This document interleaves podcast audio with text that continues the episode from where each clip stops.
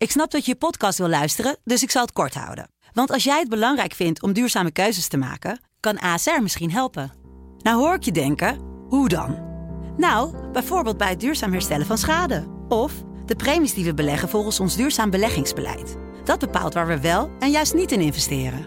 Wil je meer weten over welke duurzame keuzes ASR maakt? Ga dan naar asr.nl/slash duurzame keuzes. ASR doet het. Zo, dan kan je nu lekker naar je podcast luisteren.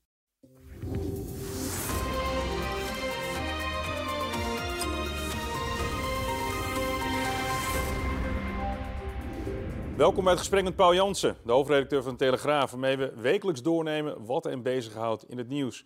Paul, jij wil het deze week gaan hebben over het woningtekort. En dat laat dat nou een uh, gegeven zijn waar iedereen het ondertussen wel zo'n beetje heeft, behalve vaccinaties dan misschien. Van ja, overwaardes op huizen, uh, overboden, iedereen heeft het erover. De trigger is natuurlijk weer, het is in het nieuws dat de huizenprijzen weer met, uh, in recordtempo stijgen. hoogste stijging in 20 jaar.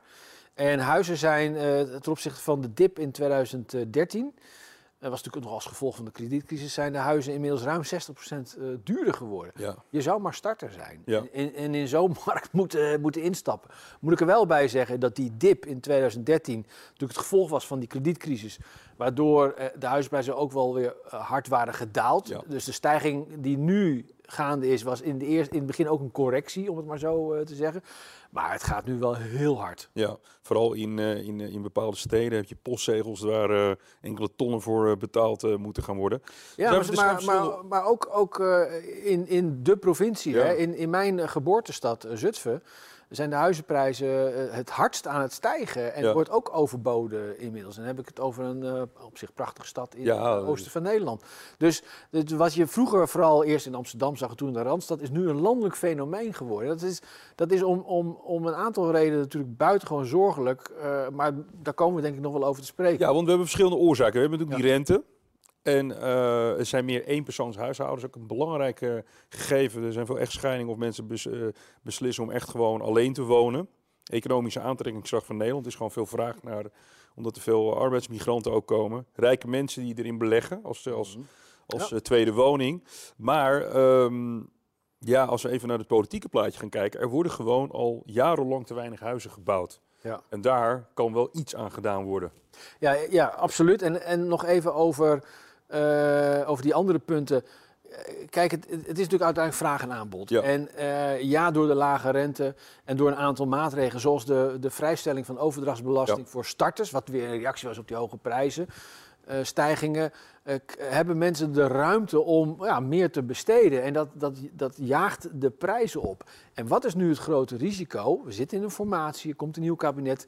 Dat het kabinet zegt, nou weet je wat wij gaan doen? Als, als het probleem de dikke portemonnee van mensen is, gaan wij wel voor zorgen dat die portemonnee iets minder dik wordt. Ja. En dat je dus uh, de hypotheekrente versneld zou kunnen gaan afbouwen, dat is een risico. Waarom is dat onwenselijk? Omdat dat niet alleen nieuwe gevallen raakt, maar ook alle bestaande gevallen. En als er iets de overheid niet moet doen, is onbetrouwbaar zijn. En die moet dus, dat hebben ze in het verleden al vaker ja, Ze hebben een financiële plan, planning al een tijd. Je hebt een hele lange planning, ben je, eh, verplichtingen ben je aangegaan. Ja. Financiële, zware financiële verplichtingen op basis van wat je redelijkerwijs mag verwachten, wat de afspraken zijn, fiscale afspraken die de overheid maakt. Daar is een aantal jaar geleden is daar natuurlijk al op uh, aangepast. En dat, dat, moet nou niet nog eens een keer erger gebeuren, want uh, dat, kan, die, dat kan wel bijdragen aan het uh, aan, het, aan, het, minder oververhitten van de woningmarkt. Maar tegelijkertijd kan dat heel veel mensen in financiële problemen geven. Er zijn ook andere, allerlei andere lastenverzwaringen mogelijk in, in de formatie. Waarvan ik denk dat een aantal partijen daar likkerbaardend eh, naar zullen kijken. Omdat ze denken, hé, hey, geld in het laadje en we lossen dus meteen twee problemen op. Maar zoals jij terecht aangeeft, onderliggend gaat het erom dat er te weinig woningen zijn in Nederland. En dat wil ze. Ik geloof, er moeten er 100.000 bij komen. En ze halen altijd maar iets van 75 met heel veel pijn en moeite. Ja, minister, minister uh, Ollongren, uh, demissionair minister Ollongren van Binnenlandse Zaken, die ook over wonen gaat. Die heeft dan een zogenaamd ambitieus plan uh, door ambtenaren laten opstellen en goedgekeurd. Uh, waarbij we uh, zouden terug moeten gaan van een tekort op de, op de woningmarkt van 4% naar 2%. En dan, dan, dan zegt zij, ja, een, een, klein tekort kan geen kwaad voor de markt. Hè, want nee. anders heb je overschot, dat wil je ook niet. Maar dan denk ik, minister, een, een woningtekort van 2%, dat klinkt nou, dat klinkt is niet zo erg. Het gaat om 150.000 woningen. Dat is gewoon een middelbare, middelgrote stad ja. aan een tekort. Ik zeg, wat is dat voor een ambitie? Weet je? Ik, vind dat, ik vind dat gewoon onbestaanbaar. En uh, wat, wat daar nog achter zit, is dat uh, we hebben nu de zaken urgender gehad, uh, de, ja. naar de rechter gegaan. Uh, op, op basis van dat, dat Nederland te weinig ambitie toont op het klimaatgebied. En de rechter heeft gezegd op basis van mensenrechtenverdragen, er moet meer ambitie zijn en meer maatregelen worden genomen op het gebied van klimaat. Waarom gaat er niemand naar de rechter en zegt: hé, hey, eh, een, eh, een, een, huisvesting is ook een, ook een mensenrecht, hè? een dak boven je hoofd. Dus waarom kunnen ze dat langs die weg niet afdwingen dat het kabinet daar meer aan gaat doen? En dat is ook iets wat volgens mij. in Het zou een interessant proefproces zijn trouwens. Ja, ja ik heb ook wel uh, zitten denken of dat iets is wat wij zouden moeten, moeten faciliteren. Maar in ieder geval, ehm, ik, ik denk dat het een informatie nieuw kabinet een, een, hele belangrijke taak krijgt om die woningmarkt nou echt vlot te trekken. Niet door lastenverzwaring of de hypotheekrente verder af te bouwen, maar door ervoor te zorgen dat er nou eens meer gebouwd gaat worden in het land. En dan kom je uh, op een splitsing terecht die denk ik heel interessant is.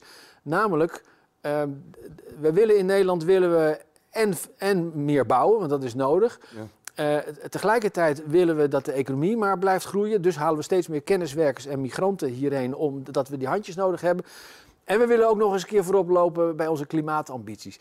Dat schuurt met elkaar. en er zou eens een integraal plan moeten komen waar ook in keuzes worden gemaakt van wat, waar geven wij nou prioriteit aan en hoe zorgen we ervoor dat we uh, uiteindelijk een land hebben waar iedereen die dat wil gewoon een eigen woning kan bezitten. Ja, uh, afrondend. Ik heb, ik heb veel uh, gesproken met, met collega's van de DFT-redactie. Het probleem met woningbouw is dat de gemeentes daar een hele belangrijke factor in zijn. Want die zitten met bestemmingsplannen en die willen altijd van de groene delen afblijven. Ja, die willen dus het in, in, binnen de bebouwde, wat er bebouwd is, willen ze dan een beetje de lucht in gaan, maar verder niet. Ja.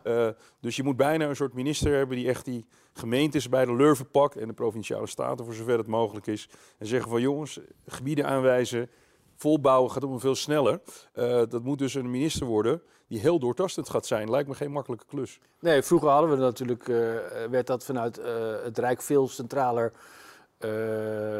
aangestuurd. Hè. From ja. bijvoorbeeld. Het heeft ook nogal andere titels gehad. Maar er wordt nu ook weer over gesproken om een, om een minister um, die verantwoordelijk voor wonen apart aan te stellen. Want je ziet, als je het bij Binnenlandse Zaken eronder veegt, hoewel daar niet heel veel ander werk te doen is, is het in ieder geval, kunnen we vaststellen, niet een doorslaggevend succes geweest. Al denkt uh, mevrouw Ollongren daar zelf heel anders over.